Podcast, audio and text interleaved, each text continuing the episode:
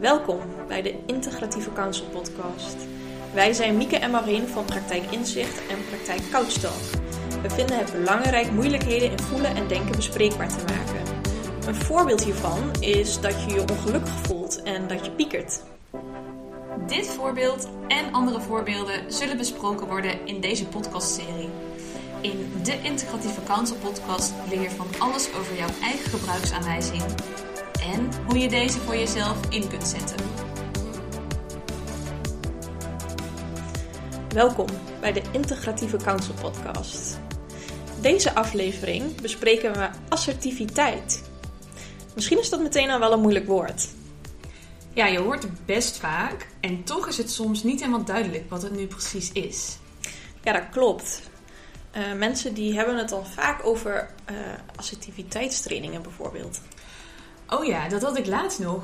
Toen uh, vertelde ik iemand waarvoor mensen in de praktijk terecht kunnen. En toen zei ik hulpvragen gerelateerd aan assertiviteit. Mm. En toen vroeg diegene, bedoel je dan assertiviteitstrainingen? Ja, en uh, ja, wat was daarop dan jouw antwoord? Nou, mijn antwoord daarop was dat ik geen assertiviteitstraining geef in mijn praktijk. En wel kunnen mensen zich met een hulpvraag gerelateerd aan assertiviteit melden in de praktijk. En dan kan iemand individueel leren hoe hij of zij daarmee om wil gaan. En ja, wat is het dan precies, assertiviteit? Uh, iemand die assertief is, die neemt zijn eigen positie in en maakt daarin zijn eigen keuzes. En die keuzes die uit hij of zij ook richting anderen. Mm -hmm. En daarbij respecteert diegene de positie en de mening van de ander. Dus kortom, iemand die assertief spreekt en of handelt, die wil rekening houden met de ander waarbij hij zijn eigen keuzes blijft maken. Ah ja, ja dat klinkt eigenlijk nog best wel abstract. Kun je een voorbeeld geven? ja, klinkt inderdaad best abstract. Uh, even denken hoor. Uh, ja. ja, bijvoorbeeld een vriendin die vraagt aan je of je meegaat naar de bioscoop. En eigenlijk heb je daar totaal geen zin in. Je hebt meer behoefte aan een avondje voor jezelf. En niet om de, die avond met een vriendin in de bioscoop te gaan zitten. Mm-hmm. Nou, een assertieve reactie zou dan bijvoorbeeld zijn: nee, dat komt me deze week helaas niet uit. Want dan handel je volgens je eigen behoeften. Je gaat niet mee naar de bioscoop. En je houdt rekening met de ander, want die zou het wel eens vervelend kunnen vinden. Dus vandaar de helaas. Ah, zo. Ja, dat maakt het dan ook wel meteen een stuk duidelijker wat assertief dan nou betekent. Um, nou, je hebt vast ook een voorbeeld. Ja, ja even denken. Um, bijvoorbeeld als een collega zegt: uh, Ja, volgende week woensdag wil ik graag vrij van het werk. En die vraagt dan aan jou: Kun jij ruilen? Uh, maar ja, jij hebt die woensdag net afgesproken bij de kapper. En dat wil je eigenlijk niet verzetten. Nee, dat snap ik. Ja, nou ja, dan zeg je: uh, Ja, deze week lukt het niet om te ruilen, maar volgende week zou wel kunnen. Zou dat voor jou ook kunnen? En daarin geef je dan aan wat voor jou past. Ja, assertiviteit heeft te maken met grenzen aangeven, nee zeggen, opkomen voor je mening, aangeven wat je ergens van vindt of wat je wilt. En dat allemaal rekening houdende met de ander. Ja, precies. Uh, dus als ik zou zeggen tegen mijn collega: Is goed, ik ruil wel. Ja, dan houd ik natuurlijk geen rekening met mijn eigen behoeften. Mm -hmm. Uh, dan ga ik mijn grens over en moet ik mijn eigen afspraken die ik gemaakt heb verzetten. Um, ja, dan is het dus eigenlijk een reactie die niet assertief is. Nee. Nee, dan kom je niet uit op wat voor jou belangrijk is. Dus dan, mm -hmm. dat gedeelte mist dan. En dat niet aangeven van wat je wil of niet wil. Of niet je grens aangeven, geen nee zeggen. Dat noemen we non-assertief gedrag.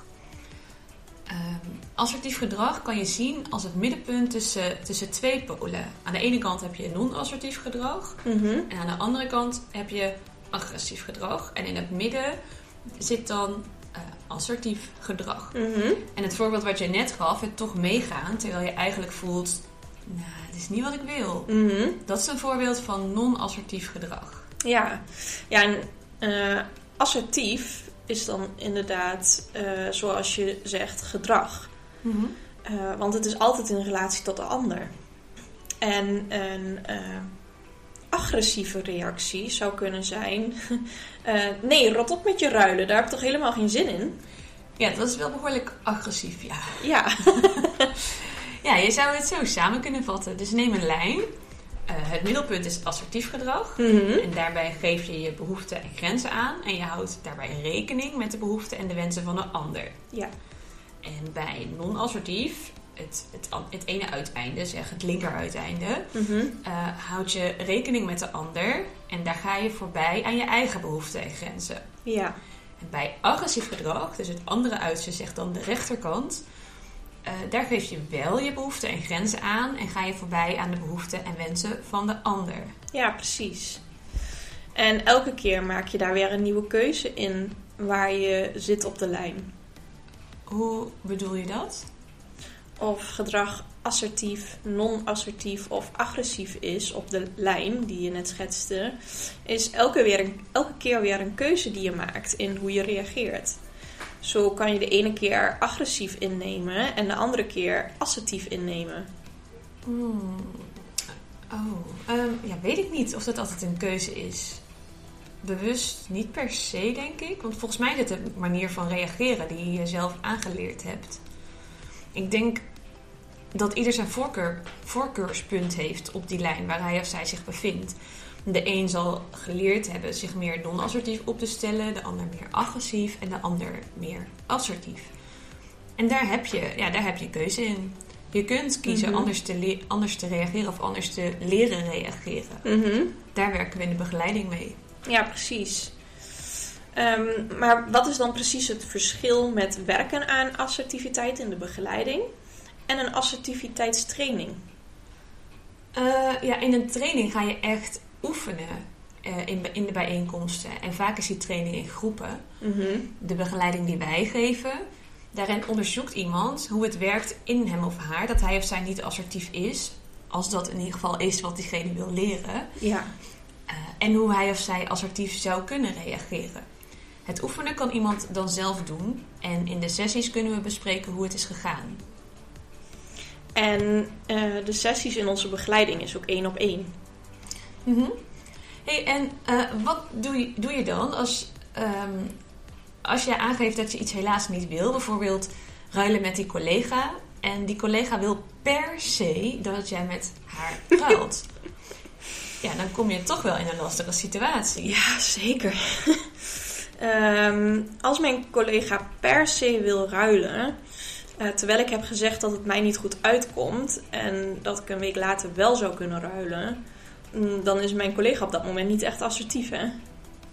Nou, nee, nee, nee, ze houdt niet zo heel veel rekening dan met je, nee. Precies. Uh, maar wat ik dan zou doen is, uh, ik zou mijn eerdere antwoord dan herhalen. Ah, jij gaat voor de kapotte grammofoonplaat. Absoluut. Maar misschien dat luisteraars niet weten wat dat betekent. Wil je dat eens uitleggen? Zeker, komt zo meteen. Over een paar minuten. Uh, wat hoop je als resultaat te krijgen als je blijft herhalen wat je al hebt gezegd? Ja, dat mijn collega dan uiteindelijk mijn grenzen accepteert. En als ze dat nou niet doet? Hoe bedoel je dat precies? Nou, wat als zij nou ook blijft herhalen? Dat zij echt vrij moet zijn en dat jij haar laatste hoop bent. moet. Ja, dat is een hele uh, podcastaflevering op zich. Ja, ja klopt. Zij, zij vindt dat het moet. Tussen aanhalingstekens. Ja, ja. Um, nou, ik zou medeleven tonen. Uh, dat ik het heel vervelend voor haar vind. Uh, maar dat ik al afspraken heb staan op die dag. En dat het voor mij gewoon niet gaat lukken. Hmm. Nou, en soms kan het dan ook helpen als je er beide niet uitkomt. Om te kijken wat dan wel kan. Dus hoe kan je een oplossing vinden waar jullie allebei blij, of ja, blij misschien niet per se, uh, nou, waar jullie je dan allebei oké okay bij voelen. Dus een aanvaardbaar compromis. Uh, nou ja, dat klopt, dat ligt aan de situatie. Heb je een voorbeeld van zo'n situatie? Um, nou, nu hadden we het over een kappersafspraak. Uh, bij de kapper is het misschien mogelijk uh, om daarna allebei een daghelft te werken, bijvoorbeeld. Oh ja, mooi. Dan kom je ergens zo in het midden uit. Ja, precies. Oh, ik had dat lang geleden aan de telefoon een keer. Ja, niet, niet met de kapper. Oh, vertel. Nou, ik werd opgebeld eh, door zo'n bedrijf. En dat was een, eh, een reclamebureau. Mhm. En ik had een advertentie gekocht daar. Eh, alleen, ja, dat, die was helemaal niet meer relevant. Dat, is, dat was echt al een aantal jaar geleden. Mhm. Dus ja, ik wilde die niet meer, want die was niet meer relevant. Mhm. En dat was al een jaar geleden of zo dat ik dat had afgesproken. Ja. Dus die belde mij na een jaar weer van, nou ja, je, dit- je, je moet je advertentie nog aanleveren. En ik dacht, nee, dat wil ik niet meer. Ja. Ja, dus dat was best wel een lastige situatie, want ik wilde het niet meer betalen. Ja. En zij hadden die kosten nodig voor hun boekje. Dus toen heb ik maar herhaald en herhaald dat het niet meer relevant was voor me. En uiteindelijk zijn we toen uitgekomen op dat zij iets van het bedrag afdeden. Mhm. En dat ik dan toch nog iets betaalde, maar dat ik dan niet meer ja, in dat krantje kwam. Want dat, dat had totaal geen zin meer. Mhm. Ja, dus dat... eh, ja. Ja. Ja, dat is. eh, ja, dan kom je ook tot een oplossing die voor allebei werkt. Eh, ja, dat is wel een mooi voorbeeld van een goede assertieve reactie. Ja, wist je trouwens dat ieder mens ook assertieve rechten heeft? Jazeker, die ken ik. Ja, het zijn er echt een hoop. Ja, Ja. absoluut. Tien in het totaal. En je kan ervoor kiezen eh, of niet. Mhm. Zullen we ze één voor één doorlopen? Ja, lijkt me een goed idee. Laten we beginnen bij de eerste. Ja, dat is, lijkt me handig. dat is je assertieve grondrecht, dus waarvan alle andere assertieven zijn afgeleid. En letterlijk is dat recht, eh, geciteerd uit het, uit, uit het boek, komen we zo op, eh, is dat recht, u hebt het recht zelf te oordelen over uw gedrag, gedachten en gevoelens. En voor de consequenties ervan bent alleen u verantwoordelijk. Nou ja, dus eh, als ik iets doe wat niet zo handig was, dan ligt de verantwoordelijkheid daarvan ook bij mij. Mhm. En je hebt het recht zelf te oordelen of je het ook daadwerkelijk als niet zo handig ervaart. Ja, precies. Dus als ik bijvoorbeeld ruzie heb met iemand en eh, ik gooi er op dat moment kwetsende dingen uit, dan ben ik verantwoordelijk voor wat ik heb Mhm. gezegd. En eh, dan kan ik daar zelf over oordelen of ik dat terecht vond of niet. Consequentie kan zijn wanneer ik dat terecht vond, dat ik mogelijk het contact met diegene verlies. Of eh, dat wanneer ik dat niet terecht vond, het eh, contact herstel door erop terug te komen, ehm, waardoor het contact misschien wel zo sterker wordt. Mhm. Ja. Ja, en het tweede assertieve recht dat iedereen heeft is... U hebt het recht geen excuus of verklaring voor uw gedrag te geven. Mhm. Dus als iemand mij uitnodigt om te komen eten en ik zeg dat het goed is, maar ik ben wel vegan en eet geen dierlijke producten, dan hoef ik niet te verklaren waarom ik geen dierlijke producten eet. Nee, precies. Je hoeft je niet uit te leggen of jezelf te verklaren. Mhm. En wat is dan het derde assertieve recht? Eh, het, het- sorry. Het derde assertieve recht is... eh, u hebt het recht zelf te bepalen of u een oplossing moet zoeken voor andermans problemen. Dus je hoeft niet per se in te gaan op een verzoek van hulp van een ander. Daar heb je een keuze in. Mhm. Ehm, nou, het vierde assertieve recht is: u hebt het recht om van mening te veranderen. Je mag je dus best wel bedenken eigenlijk. Ja, bijvoorbeeld als ik op, op zaterdag zeg tegen een vriendin dat ik zin heb om vrijdag mee naar de bioscoop te gaan. En die vrijdag zelf heb ik daar geen zin meer in. Mhm. dan, dan is dat gewoon oké. Ja, precies. Ja, nou ja, en het vijfde assertieve recht. Eh, u hebt het recht fouten te maken en er zelf de verantwoordelijkheid voor te dragen. Ja, en fouten maken, dat kan echt van alles zijn, hè? Bijvoorbeeld eh, een, een toets of iets verkeerd zeggen tegen iemand. Precies, en je draagt daarvoor zelf de verantwoordelijkheid. Ik heb dat en dat fout gedaan. Mhm, precies. Punt. Ja. Eh, het zesde assertieve recht. Eh, het zesde assertieve recht is: u hebt het recht te zeggen wat ik weet het niet. Ja, bijvoorbeeld als iemand aan jou vraagt: waarom heb jij een kat en geen hond? Dan kan je zeggen: ja, ik weet, ik weet niet. Ja. En eh, wat is het zevende assertieve recht? Eh, het zevende assertieve recht is: het is niet nodig dat anderen u aardig vinden om zich met hen te kunnen verstaan. En dat recht zegt dat je het niet per se met elkaar eens hoeft te zijn of elkaar aardig hoeft te vinden, om toch een gewoon volwassen gesprek met elkaar te kunnen voeren. Mhm. Acht. Het achtste assertieve recht is: u hebt het recht om logisch te zijn bij het nemen van beslissingen. Ja, dus bijvoorbeeld als je een witte blouse aantrekt, net voordat je een bord tomatensoep gaat eten, dan is dat niet per se handig. En je hebt tegelijkertijd het recht om dat toch te doen. Ja, zeker niet handig. Zeker niet als ik dat zou doen. ik heb daarna namelijk gewoon een rode blouse. Eh, het negende assertieve recht. U hebt het recht te zeggen, ik, ik begrijp het niet. Bijvoorbeeld als iemand je iets vertelt en je hebt geen idee waar hij of zij het over heeft. Ah ja. Bijvoorbeeld als iemand vanuit het niets een appje stuurt met een tekst naar, dat naar een eerder eh, gesprek verwijst. En eh, jij dat eerdere gesprek niet meer paraat hebt, waardoor je geen idee hebt waar het over gaat. Oh ja, en dat je dan zegt, ja, ik, heb, ik begrijp niet waar je het over hebt. Mhm, precies. Nou, het tiende en het laatste assertieve eh, recht. Dat is het recht om te zeggen, kan me niet schelen. Bijvoorbeeld wanneer iemand stopt met een opleiding en anderen zeggen, oh, dat vind ik zonde. Dan kan je zeggen, kan me niet schelen. Wat zij vinden is aan hen en jij, jij kan je eigen keuze maken. Ja, inderdaad. En dat zijn al alle tiende assertieve rechten. En die rechten kun je in je achterhoofd houden als je gaat oefenen met, met assertief zijn. Mhm. Waarbij je dus wel altijd rekening blijft houden ook met de ander. Mhm. Ehm, en er zijn verschillende technieken waarmee je assertief kunt zijn. Bijvoorbeeld de techniek van de kapotte grammofoonplaat. Ja, die is net al even voorbij gekomen. Ehm, hierbij blijf je jezelf dan herhalen. Ja, zoals bij een kapotte gram- grammofoonplaat dat ook doet. Al is een grammofoon niet meer heel erg veel voorkomend volgens mij. Heb jij daar een voorbeeld bij? Van een grammofoon? Oh, nee, sorry. Van het gebruik van de techniek van de kapotte grammofoonplaat. Ah, ja, dat bedoel Dat is je. ook een beetje onlogisch. Ehm, nou ja, bijvoorbeeld wanneer iemand vraagt of ik zin heb om uit eten te gaan en ik heb daar geen zin in. En geeft dit aan dat iemand dan mijn nee niet accepteert, dan blijf ik dat herhalen.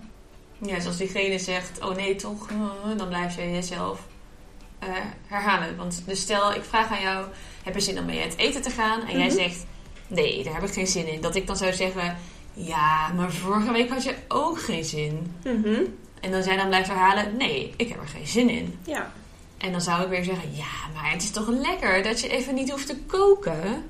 En jij weer, nee, daar heb ik geen zin in. ja, precies. Voet bij stuk blijven houden, inderdaad. En eh, de volgende techniek, de techniek van de gratis informatie. Oh ja, wat was dat ook alweer? Ja, die heeft te maken met heel goed luisteren naar de ander en de gratis informatie die de ander geeft. Dus informatie waar je niet zelf om gevraagd hebt of om vraagt en die de Mhm. ander toch vertelt. En door door te vragen op die gratis informatie maak je het makkelijker voor de ander om over zichzelf te vertellen en dus assertief te zijn, om aan te geven wat hij wel of niet wil. Oh ja. Dus eh, als ik vraag wat heb je de hele dag gedaan? En jij zegt ik heb vandaag niet zoveel gedaan, alleen maar een boek gelezen. Dan kan ik vragen welk boek heb je gelezen? En dan doorvragen op bijvoorbeeld genre of inhoud van het boek enzovoort. Mhm. Ja, stel ik zou zeggen, ik ben nu het boek eh, Lord of the Rings aan het lezen, het tweede deel. Het eerste deel heb ik vorige week uitgelezen. Mhm. Dan vertel ik je nog meer waar je niet om gevraagd hebt. Ja. Ja, dat is wel een hele andere techniek dan de kapotte grammofoonplaat, hè? Mhm. Eh, daar ben je zelf assertief, terwijl je bij de techniek van de gratis informatie de ander uitnodigt om assertief te zijn. Mhm. Ja, de overeenkomst dat ze beide te maken hebben met assertiviteit. Toevallig in een podcast over assertiviteit. Ehm, een andere techniek, dat is de techniek van de zelfonthulling. Waar gaat die techniek over? Nou, die gaat over het laten zien hoe jij denkt en hoe jij voelt. Dus dan maak je de ander deel uit van jouw binnenwereld. De techniek van de zelfonthulling is niet overal even handig, toch? Nee, ik zou hem niet toepassen als je bij de bakker staat. Dan ga je meestal niet uitgebreid vertellen hoe je je voelt of hoe je die nacht hebt gedroomd of zo. Nee, dat zie ik mezelf nog niet doen. Maar in de partnerrelatie is het dan wel weer heel handig om die techniek van zelfontwilling te gebruiken, toch? Ja, dan is het zelfs heel onhandig als je hem niet gebruikt, want dan sluit je de ander buiten. Nou ja, inderdaad. Laten we verder gaan naar het misten. Misten. Dat klinkt raar. Wat is dat? Bij misten gebruik je geen woorden waar de ander je op kan pakken. Dus bijvoorbeeld als een juffrouw tegen haar leerling zegt: Je bent te laat, Pietje. En Pietje zegt: Klopt, ik ben er op de tijd dat ik er altijd ben. Mm. Dan is Pietje aan het misten. Hij zegt niet: Klopt, ik ben te laat. Want dan Ja. zou hij gepakt kunnen worden omdat hij te laat is. Ja. En hij gebruikt dus woorden: De tijd dat ik er altijd ben, waar die niet op gepakt kan worden. Ja, ja.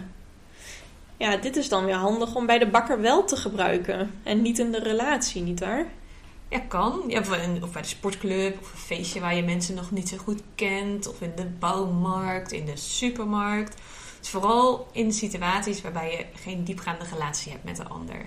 Ah ja, dus dan eigenlijk alleen bij contacten met wie je oppervlakkig contact hebt. Ja, als iemand mist, is het lastig. Ja, ik zou bijna zeggen onmogelijk om daar echt diepgaand contact mee te krijgen. Het is net als, als mist. Mhm. Je kunt niks zien door de mist. Ja. En de persoon die mist laat zichzelf ook niet zien. Oh ja. Ja, dat is wel een duidelijk voorbeeld. En dat is meestal niet zo handig in de partnerrelatie. Inderdaad. Verder gaan. Ja, want we hebben nog drie andere technieken te gaan. Twee. Beginnende met de techniek van de negatieve zelfbevestiging.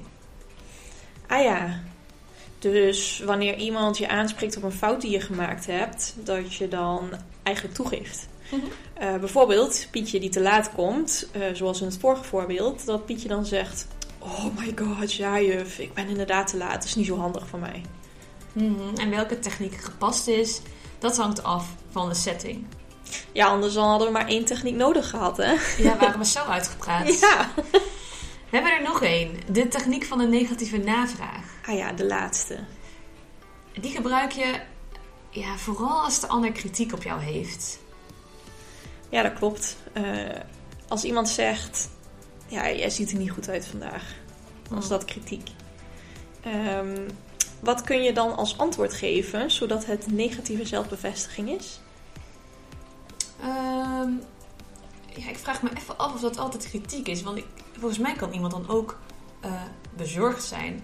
Maar goed, als je het opvat als kritiek, zou je volgens de techniek van de negatieve zelfbevestiging bijvoorbeeld kunnen zeggen: Wat aan mij ziet er niet goed uit vandaag. Ehm, nou, dan zeg ik: eh, Ja, de manier waarop je je haar draagt vandaag. En wat vind je dan niet leuk aan de manier waarop ik mijn haar draag vandaag? Zou ik dan bijvoorbeeld kunnen zeggen volgens deze techniek? Ja, dus eigenlijk vraag je dan bewust naar meer kritiek. Ja. Ja, dat klinkt misschien een beetje raar. En volgens Dr. Smit, die beschrijft al die technieken en die assertieve grondrechten in zijn boek Mhm. Als ik nee zeg, voel ik me schuldig. Ja, dat is dat boek waar we het al eerder even over gehad hebben, hè? Mhm. Ja. Ja, precies. En hij zegt, ehm, als je deze techniek gebruikt, dan heeft het drie effecten op de ander en op jezelf. Mhm. Namelijk als eerste, eh, je raakt zelf minder gevoelig voor de kritiek van de ander, waardoor je echt kunt blijven luisteren. Twee is het, het blussen van herhaaldelijke manipulatieve kritiek van de ander, zodat je er niet meer gek van wordt. Mhm. En, en drie is het verminderen van het jij hebt het fout en ik heb het goed idee. Oh ja. Ja, dus eigenlijk ja, zwart-wit denken. Dus bij degene die jou kritiek geeft, Ja. door hen aan te sporen om op een assertieve manier te zeggen wat ze willen. En op die manier kunnen dan beide partijen tot een compromis komen en mogelijk bijdragen aan het weer uit het zwart-wit denken te komen. Ah, oké. Ja, die doelen, dat is ook wel even belangrijk om te noemen. Ja, wat ook belangrijk is, net als wat we zeiden aan, eh, aan het einde van de assertieve rechten, en ook bij de vorige, bij, alle technieken, is dat je het doet op een niet vijandige of aanvallende manier. Hm. Zodat je de ander wel in zijn of haar waarde laat. Ja, want anders zou het niet meer assertief zijn, maar agressief. Eh, veel ligt in dit geval dan waarschijnlijk ook aan bijvoorbeeld de intonatie. Mhm. Als iemand bijvoorbeeld zegt: Wat aan deze outfit vind jij dan niet mooi? Dan zou het eerder agressief zijn. Terwijl iemand die zegt: Wat aan deze outfit vind je dan niet mooi? Prima assertief zou kunnen zijn. Ja, precies. Eigenlijk toch best wel een ingewikkeld onderwerp dit, hè? Nou, en eigenlijk is iedereen hier de hele dag mee bezig. Onbewust dan gelukkig. Ja, elke keer als je contact hebt met een ander. Mhm. Eh, ook dingen als mail en appen moeilijk soms het contact. Door de afwezigheid van de intonatie, waardoor iets als agressief kan worden opgevat terwijl het assertief bedoeld was. Mhm. En ook in, in, in real life, in het echte leven, eh, kan het lastig zijn om assertief te zijn. Mhm. Meestal gaat het goed en soms kan het handig zijn om daar hulp bij in te schakelen. Ja. Heb je daarvan een voorbeeld? Ja, bijvoorbeeld als je geneigd bent om mee te gaan met wat een ander wil in plaats van aan te geven wat je zelf wil. Mhm. Eh, of het lastig vinden om nee te zeggen, om te zeggen dat je ergens geen zin in hebt. Oh ja. Ja, of wanneer je juist een kort lontje hebt en ja, je snel agressief kunt reageren. Of wanneer je het juist spannend vindt om aan te geven wat je wilt. Als je bijvoorbeeld heel graag ook een keer wilt rijden en je partner rijdt al normaal altijd. En je niet goed weet hoe je dat aan kunt geven. Of je mening geven terwijl de ander mogelijk een andere mening heeft.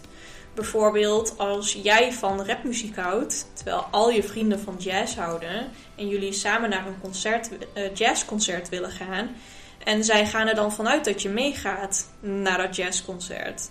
Hmm. En dat je dan kan aangeven dat je naar een rapconcert wil, want jij houdt niet van jazz. Ja, dat zou wel assertief zijn. Ja, als je dat kan aangeven, wel.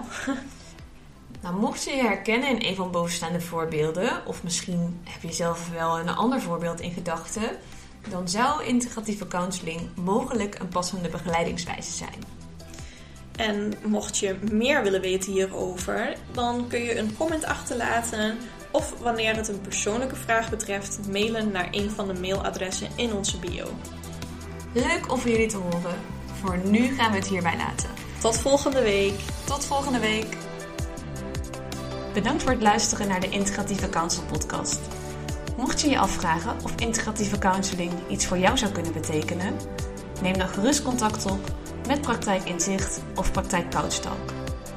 Of bij vragen over de inhoud van de podcast, laat een comment achter. Hopelijk tot volgende week bij een nieuwe aflevering van de Integratieve Counsel podcast, waarin je jouw eigen gebruiksaanwijzing leert kennen. Wil je direct op de hoogte zijn wanneer er een nieuwe aflevering online komt? Abonneer je dan op ons kanaal.